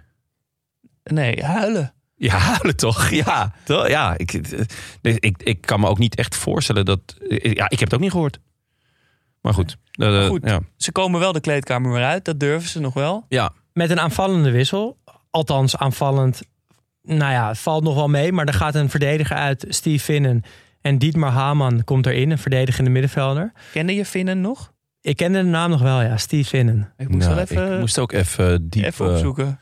diep graven. Hij Ja. kon ook helemaal niet voetballen. Nee, dus, was niet goed. En ze gaan, dus, Ierse, Ierse verdediger. eh, ze gaan een soort van 3-4-3 spelen. En ja, het begin van de tweede helft is gewoon weer voor Milan. Die, Ja. die krijgen 1-2 kansen op de 4-0. Eh, dat gebeurt niet. Ook En- geen kleine kansen. Nee, maar dan slaat de wedstrijd ja, volledig om. En ik, ja, dit kunnen we alvast weggeven. Maar binnen zes minuten, ik was dat helemaal was ik ook. vergeten. Ja, Oh, ik ik dacht wist ook. wel dat het die magical six minutes Nee, ik was het dus helemaal vergeten. helemaal Dus ik, ik zie die eh 1-3 van Gerrard in de 54e minuut. Wat trouwens echt een geweldige goal is. Zeker. Dus Riese krijgt de bal aan de linkerkant. Die, die slingert hem eigenlijk ja, voor de pot waar, waar twee, drie mensen van Liverpool in de 16 staan. Waaronder Gerrard. En die komt aanlo- aanrennen en die timed verschrikkelijk goed. En die knikt hem in de lange hoek. Onhoudbaar. Stam staat erbij en kijkt ernaar. Ja, dat heb jij geschreven in, de, in het zag ik in het doekje staan, maar dat is niet helemaal waar, want ehm, Stam heeft aanvankelijk heeft hij de andere aanvaller. Alleen de, de linksback, ik denk dat dat, eh, of eh, ja, dat is, Dat dat is Maldini. Maldini. dat die net iets te laat bijsluit, waardoor Stam niet eh, door kon stop- stappen op Gerrard. Die eh, vanuit het midden doorkwam. Maar Nou, geen kwaad woord over Maldini. nee, Maar- en ook niet over Stam trouwens. Nee, zeker niet. Maar eh, ja, toch een goal uit het niets. Maar je merkt wel aan het stadion en aan de commentatoren van... hey, Ja. wie weet. Ja, die roepen... Hello, hello, here we go. You never know with Liverpool. dat is Ze voorspellen het al eigenlijk. Ja, ja het is wel Maar vooral dat here we go. Here Ja. we go. Waarvan, nou, het, eh, ja. En Ja, drie minuten we. later staat het opeens 2-3. En dan is de vlam al wel echt in de Ja. pan. Dat Ja. merk je wel. Dat, Ja, ja. Dat, dat het eraan zit te komen. Ja, en toch vind ik het gek dat, dat je dat al merkt. Want eh, laten we wel wezen, altijd als een Nederlandse ploeg tegen een Italiaanse ploeg loopt, dan zeg je ja, je hebt altijd het idee dat je lekker meedoet. En uiteindelijk winnen zij met 1-0. In principe als ze eh 1-0 voorkomen of 2-0, laat staan 3-0, dan is het gedaan. En zeker als je ziet dat volgens mij is de jongste speler op het veld 29. Ja, van Eh, Milan. van AC ja. Milan? Is Nesta is de jongste. Er zit, het is zoveel ervaring en zo, ja, eh, zoveel eh eh gochme. En dat je echt denkt, hoe, hoe kunnen zij in paniek raken? Als er een team is wat, het, wat Ja. zo'n voorsprong nooit gaat weggeven, is dat toch... Is het deze ploeg? Ja, Ja. maar goed. Maar Smitser die ramt die eh, 2-3 erin van een metertje of 25. Die daar moet hem vind ik wel hebben. Zeker. Ehm, en trouwens mooi, een luisteraar, eh, Floris Hooghiemstra... Die, die heeft de hele wedstrijd ook teruggekeken. Ja, en die vet. stuurde op Instagram een heel mooi momentje over deze goal toe. Eh, hij stuurde namelijk in dat hij naar de wedstrijd zat te kijken... en dat hij die 2-3 ziet van Smitser. En dat dat doelpunt eigenlijk valt... eh, in ieder geval deels, omdat Kaka op een zeker moment besluit... zijn scheenbeschermers even goed te doen of zijn veters te strikken. Een van de twee, vond ik een beetje lastig te zien. Waardoor eh, Liverpool snel een ingooi kan nemen. Eh Luis Garcia vrij kan aannemen. Pirlo moet doordekken. Seedorf moet doordekken, omdat Kaka dus eigenlijk even niks staat te doen. Daardoor kan die bal bij Smitser komen. Eh, ja, die moet natuurlijk die bal er nog wel inschieten. Maar ik zat er terug te kijken en hij heeft wel echt een punt. Ja, Hij heeft Ja. er helemaal gelijk in. Maar sowieso echt heel erg leuk dat Floris Hoogriemstra de Ja. hele wedstrijd Ja. een beetje met ons heeft teruggekeken. Ja. En ook nog eens een goede observatie. ja. Ja. En, en, en dan ontploft wel Ja, echt en het het stadion. was überhaupt wel een beetje gek, want eh, de aanval ervoor vlagt de grensrechter. ja, dat is Eh, zo, en ja. ik heb het idee dat de scheids het niet ziet. Nee, volgens mij ziet Volgens hij het mij, want hij- het is niet dat hij het negeert. Eh dit is gewoon buitenspel namelijk. Eh, en als dat wordt gevlacht, dan valt die goal überhaupt niet. Want echt meteen daarna is het een ingooi en waar dus die goal eh, uitkomt. Maar het is heel gek, want eh, volgens mij is de regel ook dat als, het, als een grens buitenspel geeft, dan blijf je staan totdat eh, de scheidsrechter het ziet en het zegt van nee, het is oké. of eh, fluit.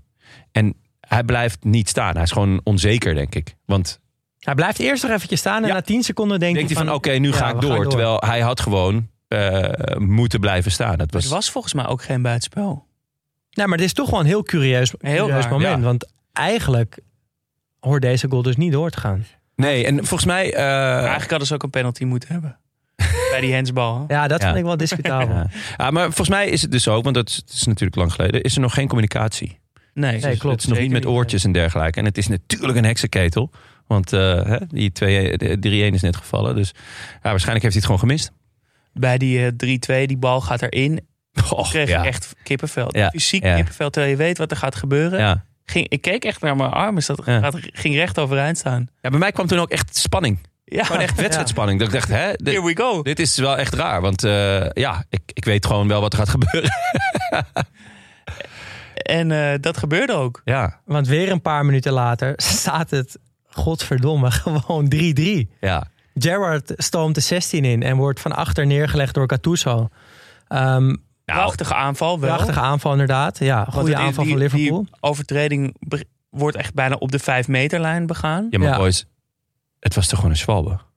Ja, ik zie, ik Hij heb het ook niet Hij gezien. raakt hem echt niet. En Gerrard valt echt, echt als een... Een zwaluw. Een zwa ja, een, ja een, een stervende zwaan. Gewoon, het is echt, hij raakt hem echt niet. Je ziet Gattuso ook denken van, hè?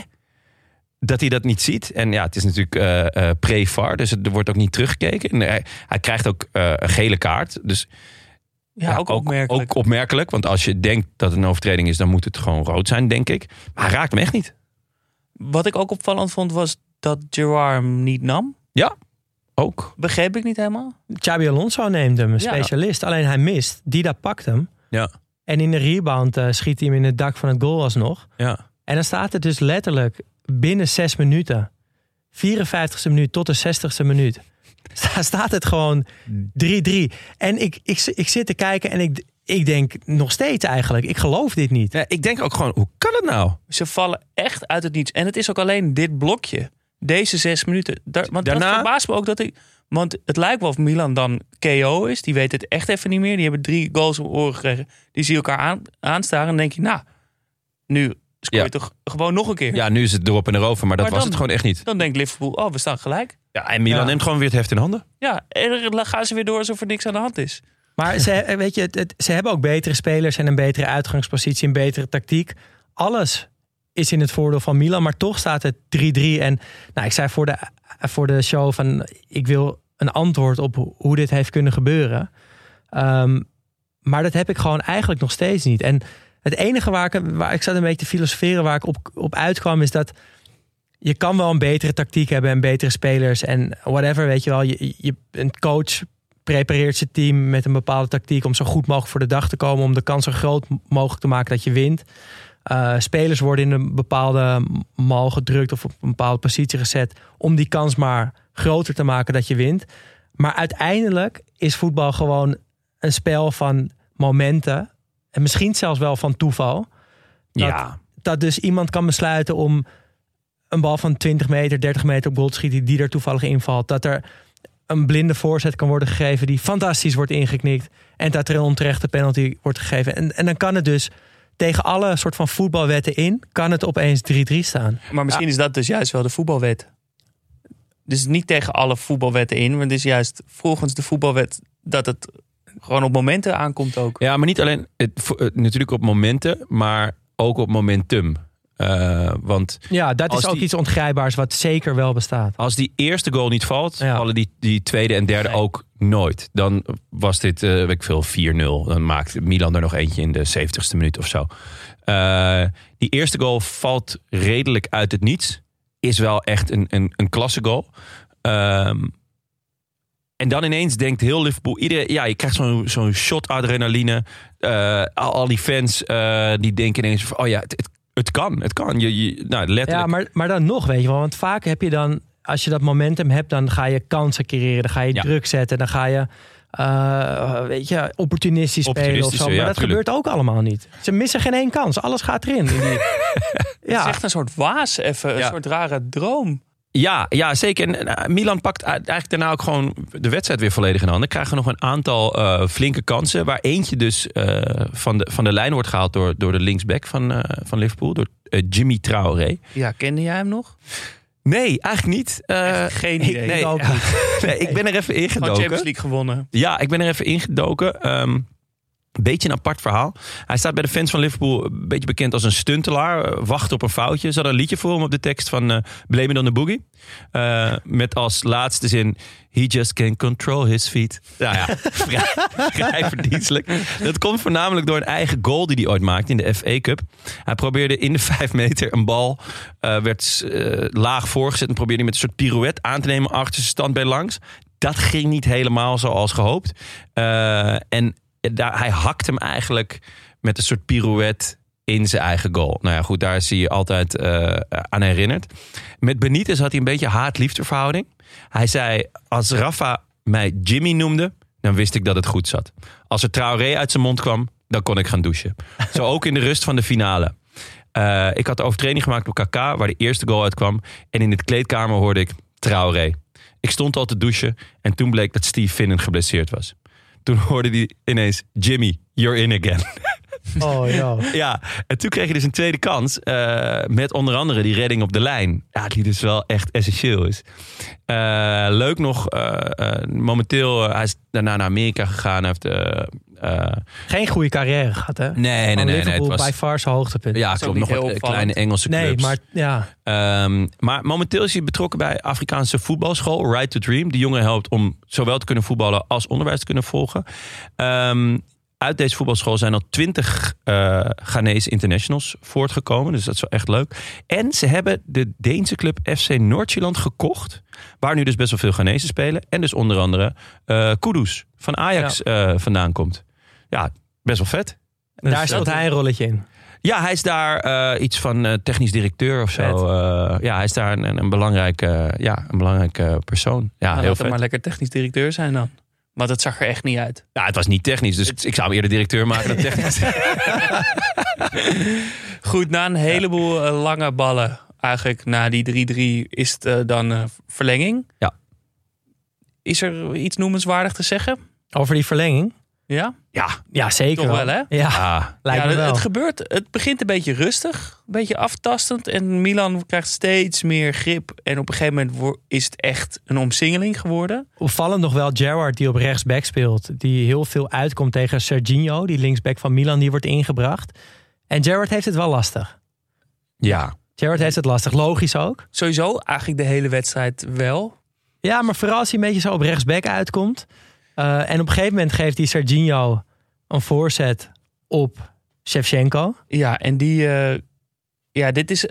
Dit moment is, is gekozen, deze redding van, of de, deze dubbele redding van, van Dudek op die inzetten van Shevchenko is verkozen eh, in 2011 tot het greatest Champions League moment of all time. Dat is voor de volley van Zidane eh, uit die finale en voor die sneaky goal van Solskjaer uit die, eh, Ja. uit die finale. Vet. Dus deze dubbele redding staat heel hoog. 117e minuut. Ehm, en Wonderbaarlijke echt een wonderbaar... Eh Doede, of uh, Shevchenko voorzet eh, binnen de vijf meter. Eh Dudek pakt hem. De rebound.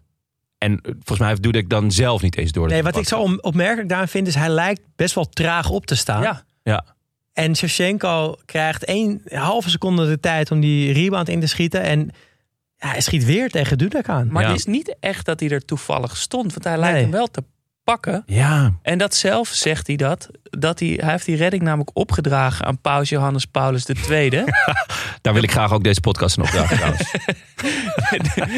de oude Poolse paus. ehm, die vroeger zelf een keeper was. Dat meen je niet. En Dudek was natuurlijk ook Pools en eh, keeper. En had de beste man ook in zijn leven, want hij is op dit moment was hij al overleden, had hij hem een paar keer ontmoet. Was groot fan, diep gelovig. En voelde nadat de paus was overleden, zoals hij dat zelf zegt, een inspiratie. Ah, ja. En zei dus, deze redding was niet de hand van God, zoals bij Maradona. Maar deze redding was de hand van de paus. Dat is wel poëtisch. ja. Heel mooi. Schitterend. Ehm, ja. Voor de rest vond ik Kerker erg goed in de, in de verlenging. Die staat wel echt op en houdt Ja. op de been. Alle lange ballen op Gibril, die ze ook allemaal verliest. Ja. ja, en Liverpool speelt gewoon overduidelijk op penalties. Ja. Echt overleven. Ja, en dat gebeurt ook. En ja, dan wordt het dus penalties. En dan, ja, toen hoorde ik de commentator zeggen eh, in, de in de voorbereiding op die penalties trouwens hele mooie beelden. Dat je ziet Dudek eh, met Carragher, of eigenlijk Carragher meer met Dudek. En je ziet eh, Benitez met zo'n briefje van oké, en dan langs de spelers lopen. Ga jij nemen, wil jij nemen? Allemaal heel mooi. Maar ik, ik had toen opeens dat besef door die commentator. Want die zei op een gegeven moment van... Iemand op dit veld hier wordt de held. Ja. En iemand wordt ook de slemiel. ja. En op een of andere manier, ja, dat weet iedereen, maar dat kwam nooit, komt nooit zo binnen als ik live een penalty-serie kijk. En nu, omdat je de uitkomst natuurlijk al weet, en dan die woorden hoor, dacht ik, oh, Ja. ja. Vond sowieso echt een supergoeie penalty-serie.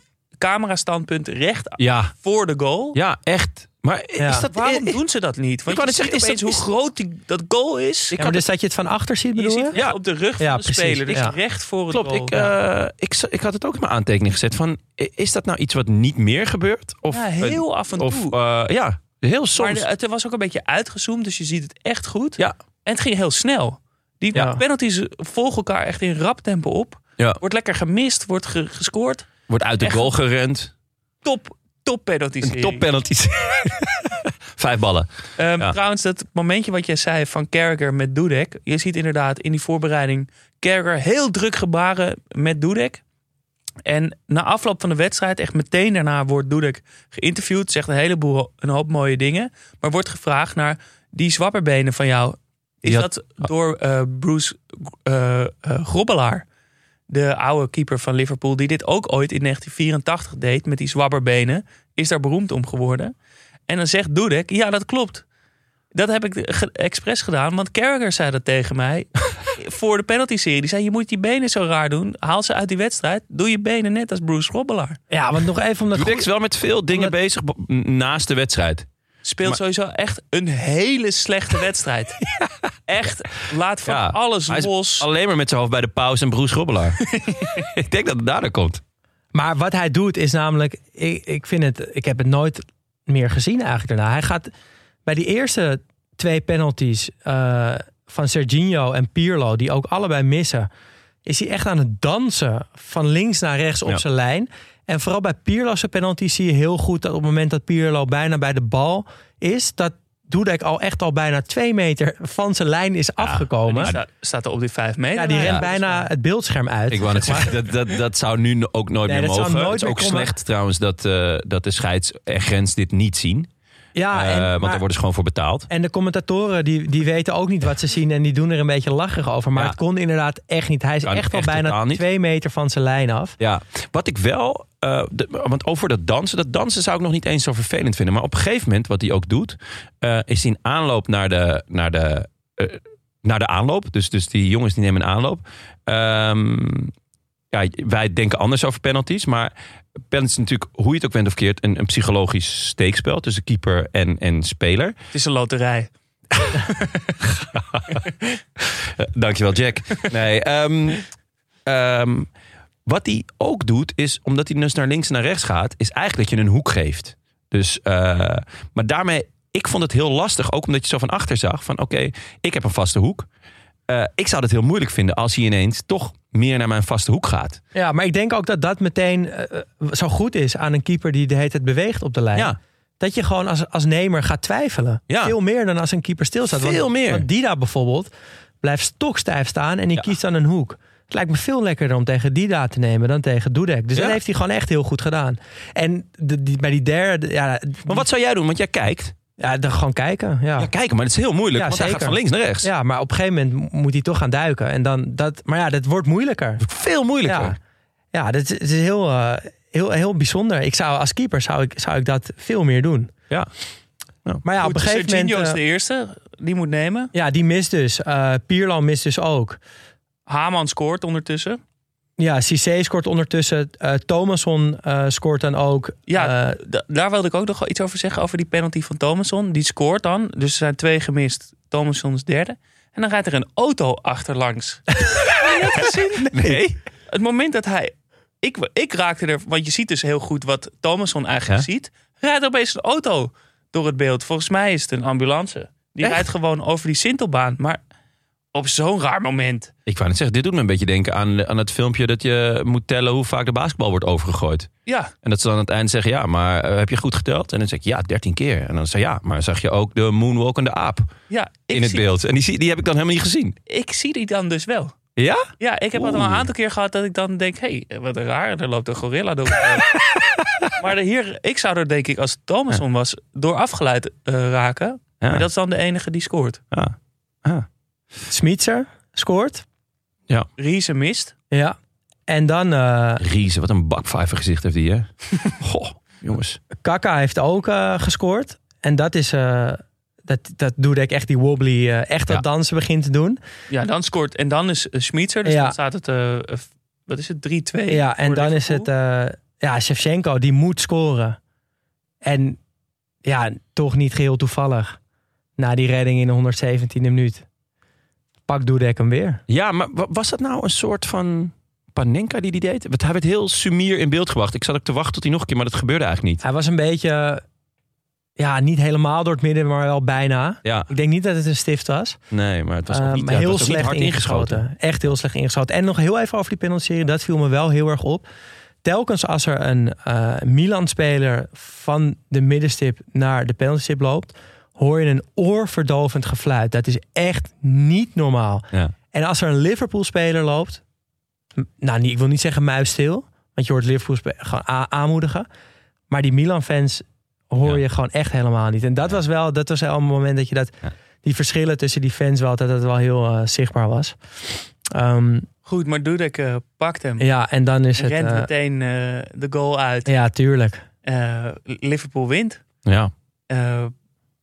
En dan, ja, heb je, ko- hadden jullie eigenlijk dat, de hele ceremonie en alles en de interviews na de wedstrijd, hadden jullie die op, op voetballia.net? Ja, wel, ja alleen het was wel een beetje feest. warrig, vond ik het. ja. Ehm, wat ik, ja, ik, één ding wat nog heel opvallend vond was dat eh, op het moment dat Milan de medailles en zo ophaalt, dat Liverpool gewoon nog staat te feesten. Ja.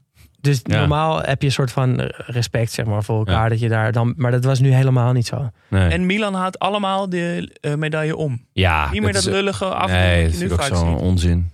Eh, en, maar wat mij dus opviel was dat zowel op de tribune als op het veld die extase of die blijdschap, die is er natuurlijk heel erg, maar valt wel mee. Vond ik. Ja. Benitez loopt Ja, gewoon wat het veld Benitez, over. dat- dat stoorde Maar me je ook. ziet ook op, op, het- op de tribunes zie je een paar van die scousers je gewoon staan. Misschien nog steeds ongeloof. Ja, dat denk ik wel. Want ik zag wel Moet veel, wel. veel ongeloof. Eh, en Benitez die was vervelend rustig. Ja, ik hou er ook niet zo heel erg nee. van. je, wilt toch, je gaat toch rennen? Ja, je gaat, ga gewoon juichen, man. Eh, uiteindelijk gaat hij een beetje, doet hij wel een paar hupjes, maar ja, stelt niet veel hij voor. zit, hij zit al wel weer bij van ja, morgen weer bus 15. Eh, die moet ook weer op tijd vertrekken. Dat, Ja. ja, ik vond het, ik vond het ik, sowieso irritante man. Ja, weet hele trok- irritant. eh, ja. Het- Dit, ja. Hierna is hij toch ook alleen nog maar irritanter geworden. Ja, met die, met die eh, pratende kut. beetje dat zweterige, dikke... Ja, inderdaad. En die, en die, dat nou een reden en die is dat ringba irritant- dat ringbaardje. Het zo, eh, nee, echt Ehm, helemaal niks mee. dat was het. Yes. Wat een, eh, wat een wedstrijd. 120 minuten plus eh, penalties. Pure, wat, zou, ja, wat is het? Amusement? Spanning? Ja, Als je en, nu terugkijkt. eh, nou ja, ook, ook gewoon heel mooi voetbal. Eh, ik heb echt genoten van Milan. Ja, maar toch ook wel spanning. Terwijl je precies weet Ja. hoe het gaat eindigen. Dat Ja. vond ik wel bijzonder. En dus eh, je- ja, wat momentum kan doen met, Ja. met, met een wedstrijd. Dan de drie vragen die we onszelf hebben gesteld. Wie of wat viel het meest op? Welk beeld moeten we bijstellen? En als je één ding mee zou mogen meenemen naar nu, wat zou het zijn? Vraag nummer één. Wat viel het meest op? Eh, voor mij de tactiek van Milan. Eh, ja, daar sluit ik me ongeveer bij aan. Dus met alleen maar grote namen bij Milan die als één geheel spelen. Ik zou zeggen Kaka. Ja. Vond ik er nog wel bovenuit steken. Ja, ik denk dat het een, een soort van combinatie is. En, ja, Ja. ik denk dat het de vrij, nogal bij elkaar ligt. Eh, vraag twee. Welk beeld moeten we bijstellen? Ja, voor mij dat er een ander Liverpool uit de kleedkamers kwam. Want dat, dat vond ik gewoon niet. Het was nog steeds Milan dat veel beter was. Totdat Gerrard op een onmogelijke manier die bal erin kopte. Toen ontstond er wat. Maar niet al eh, toen ze de kleedkamer eh, uitliepen voor de tweede helft. Nee, ja, eh, sluit me ongeveer bij aan. Dat, eh, we moeten bijstellen dat dit Liverpool de overwinning verdiende. Want dat, dat was niet zo. Eh, ik zou zeggen dat we moeten bijstellen dat Dudek een goede wedstrijd speelde. Want hij speelt echt een dramatische wedstrijd. Ja. Drie, als je één ding zou mee mogen nemen naar nu, wat zou het dan zijn? Ja, ik zag dus nog op het Milan shirt dat die eh, ja, een soort van logo van de Italiaanse vlag dus van hun land Ja, in het midden van hun shirt hadden. Ik vond het eigenlijk wel heel vet. was Nemen we mooi. die mee? Dus dat wil ik op meer shirts zien. Eh, ja, ik ga voor Carlo Ancelotti. En gelukkig is hij er ook gewoon nog. Dus eh, ja, we hebben het nog helemaal niet over hem gehad. Maar eh, nou ja, het feit dat, dat de tactiek van Milan, eh, al die grote namen. Ik denk als je als, je als, als absolute topclub met heel veel grote namen, als je dan een coach nodig hebt om er één geheel van te smeden, dan moet je gewoon Ancelotti hebben. Ik vind wel trouwens dat hij eh, er steeds vetter uit gaat zien. Ja, ja, ja. Want hij was zeker. nu, ja, dat grijze van nu staat hem veel beter dan het zwarte haar van, van toen. Ja, En hij is hier wat forser. ja. En hij is echt nog heerlijk opgedroogd. Ja, uitstekend- echt een mooie man. Ja, wat een uitstekend. mooi man. Ja. Ik zou zeggen eh, dat ik mee zou willen nemen een team waarvan iedereen bijna boven de 30 is. Ja. Heerlijk, toch? Al die stoere, ervaren mannen. Mooi. Goed, dan nog de twee dingen die we jullie beloofd hadden. Ehm, maar eerst de nieuwe vrienden van de show. Daar zijn we heel blij mee. Nick Bosma. Groetjes van Vroetjes. Jelijn. Vinden we leuk. Dankjewel Jelijn. Boas van Honk. Itai Garmi. Mental. Malle Max. Stan Timmerman. En Niels. Goeie Ja. namen. Goeie Allemaal namen. goeie En ik namen. heb eh, jullie allemaal meegenomen in de, ja, in de online loting voor het Arsenal shirt. Samen met alle retweets en Instagram eh, dingen. Dat was ongelooflijk veel werk. Zoveel werk dat, dat eh, Jasper dus... eh, ja, loodjes knippen, dat Nee, was echt dat was doen. echt Er waren er al dingen. 305 eh, retweets. Ja. Dus ik dacht, ik kan, ik kan er niet. Ik ga dit. Nee. En ik vind het wel mooi dat iemand uit het rijtje nieuwe vrienden van de show... degene is geworden die Oeh, als winnaar uit de moeten bos kwam. Ja. uitleggen eh, hoe eh, deze ge- ge- gekozen is? Nou, ik heb gewoon alle namen op, hoe heet die website? Ik heb hem hier openstaan. Eh, Op een soort rad van online fortuin. naamloten. En dan kan je gewoon allemaal namen invullen. En dan kan je gewoon eh, Echt? een Oh, winnaar eruit Maar laten dus jij hebt wel handmatig al die namen. Ja, dat moest wel. Ja. Ja. Kijk, Ja, Ehm, het zat hè. Het shirt is dat, dat eh, eh, Bordeaux-rode Arsenal shirt ter ere van Highbury met gouden, gouden cijfers. Beschikbaar gesteld door Special Football Shirts. En de winnaar is... De winnaar is Stan Timmerman. Oh, kom maar Timmerman, naar beneden. Gefeliciteerd. Eh, als je dit hoort, eh, stuur een berichtje. Anders gaan we even kijken of we jou via vriend van de show ook eh, of via Twitter of iets kunnen contacten. Eh, dank jullie wel allemaal voor het delen en eh, retweeten en promoten en eh, liken. Check ook vooral de website van Special Football Shirts. Als jullie dat genoeg doen, kunnen we vaker shirts weggeven. Dus dat is leuk. Ehm, volgende week kijken we weer een wedstrijd. Dat wordt een speciale weer, want veel Europese wedstrijden voor Nederlandse clubs geweest. En gaan volgende week ook weer van start. Ter ere daarvan gaan we dus een Europese wedstrijd van een Nederlands team terugkijken. En dat wordt. Feyenoord-Inter uit het jaar dat ze de UEFA Cup wonnen. Halve finale, terugwedstrijd. Niet Heerlijk zeggen hoeveel het. Niet zeggen hoeveel Nee, nee, nee. Dan, voordat we echt gaan eh, afsluiten, het tweede ding wat jullie nog hadden beloofd voor de uitzending, namelijk de voice memo van Paling. Ha mannen, Paling hier. Vandaag heb ik een gast. Ray Gervin is een kameraad van mij, woont in Wales, is een eh, season ticket holder at Anfield, een hondstrouwe Liverpool supporter. En Ray zat die bewuste avond in het stadion in Istanbul. Kom er maar in, Ray. The Atatürk Stadium, 25th of May 2005. Liverpool versus AC Milan. 25th of May holds great significance for Liverpool fans because on the 25th of May 1977, Liverpool became champions of Europe for the first time in Rome, beating Borussia Mönchengladbach. the difference between 2005 and 1977, though, was in 1977, Liverpool were the best team in Europe. In 2005, that wasn't necessarily the case. Liverpool finished fifth in the Premier League that season, whereas Inter Milan were regarded by everybody as not just the best team in Europe, but the best team in the world.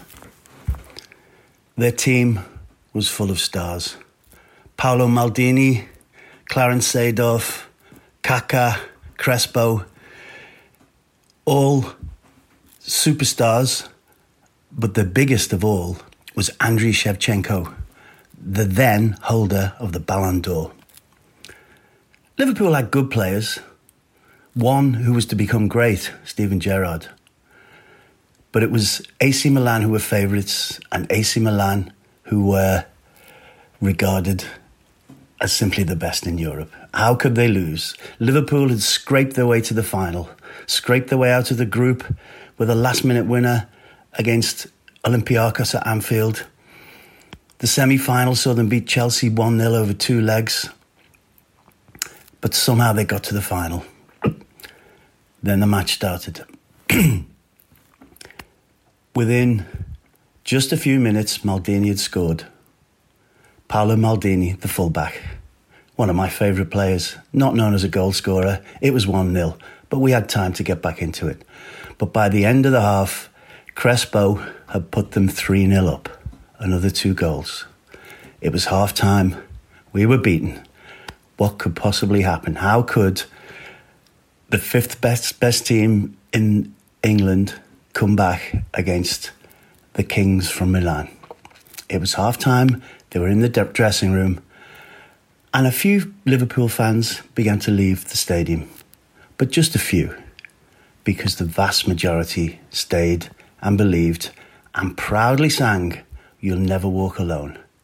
And the players reported after the match that they could hear the sound of You Never Walk Alone coming through the dressing room walls. So they gave, they gave it a go. They went out and gave it a go.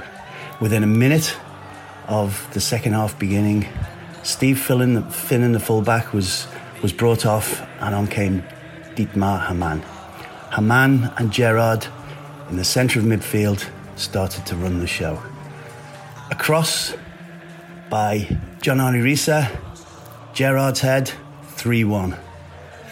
Barros slips the ball to Smeitzer, 3 2. The crowd got louder. It couldn't happen, could it? Minutes later, Stephen Gerrard goes bursting through the middle into the penalty area and is brought down.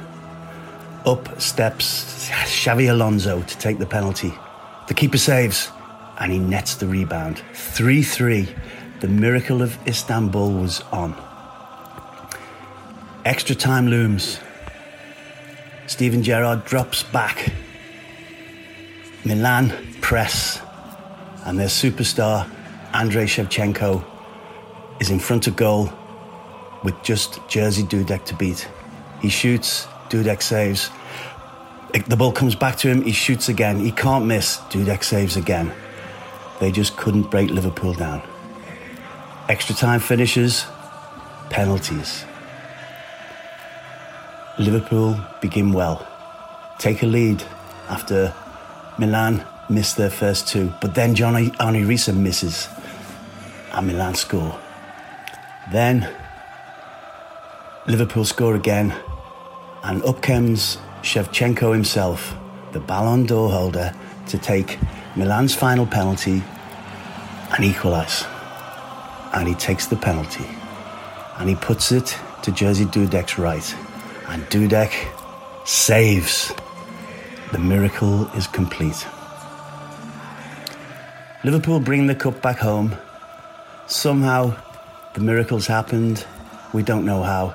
They say that the greatest ever European Cup final up until then was in 1960. Real Madrid's win, 7 3 win in Glasgow over Eintracht Frankfurt. But they were favourites. They were going to win.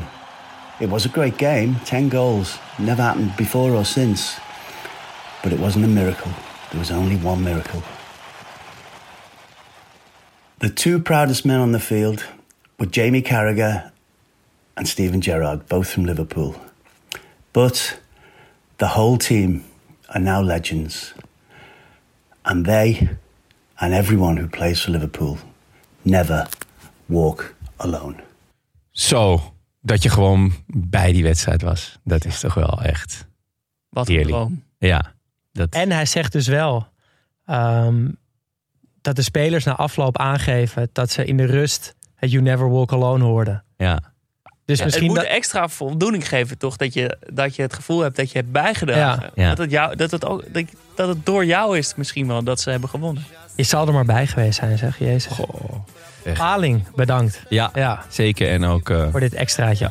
Jullie ook allemaal bedankt. Voetballia.net ook bedankt voor dat we steeds die wedstrijden in zijn geheel terug kunnen kijken. Rest ons eh, nog te zeggen, geef ons vijf sterren op Spotify, Podimo, Apple of waar je dan ook luistert. Dat helpt enorm. En word vriend van de show vanaf 2,50 euro per maand. En helpt mij ook aan het heerlijke satijnen dekbed overtrek. eh, waar ik zo, ja, zo, zo goede herinnering aan heb. Studio Socrates wordt mede mogelijk gemaakt door Dag en Nacht Media. Wil je meepraten? Dat kan. Laat een bericht achter op vriendvandeshow.nl slash Studio Socrates of via Instagram studio-socrates. Mailen kan trouwens ook. Ons e-mailadres is studiosocratespodcast.gmail.com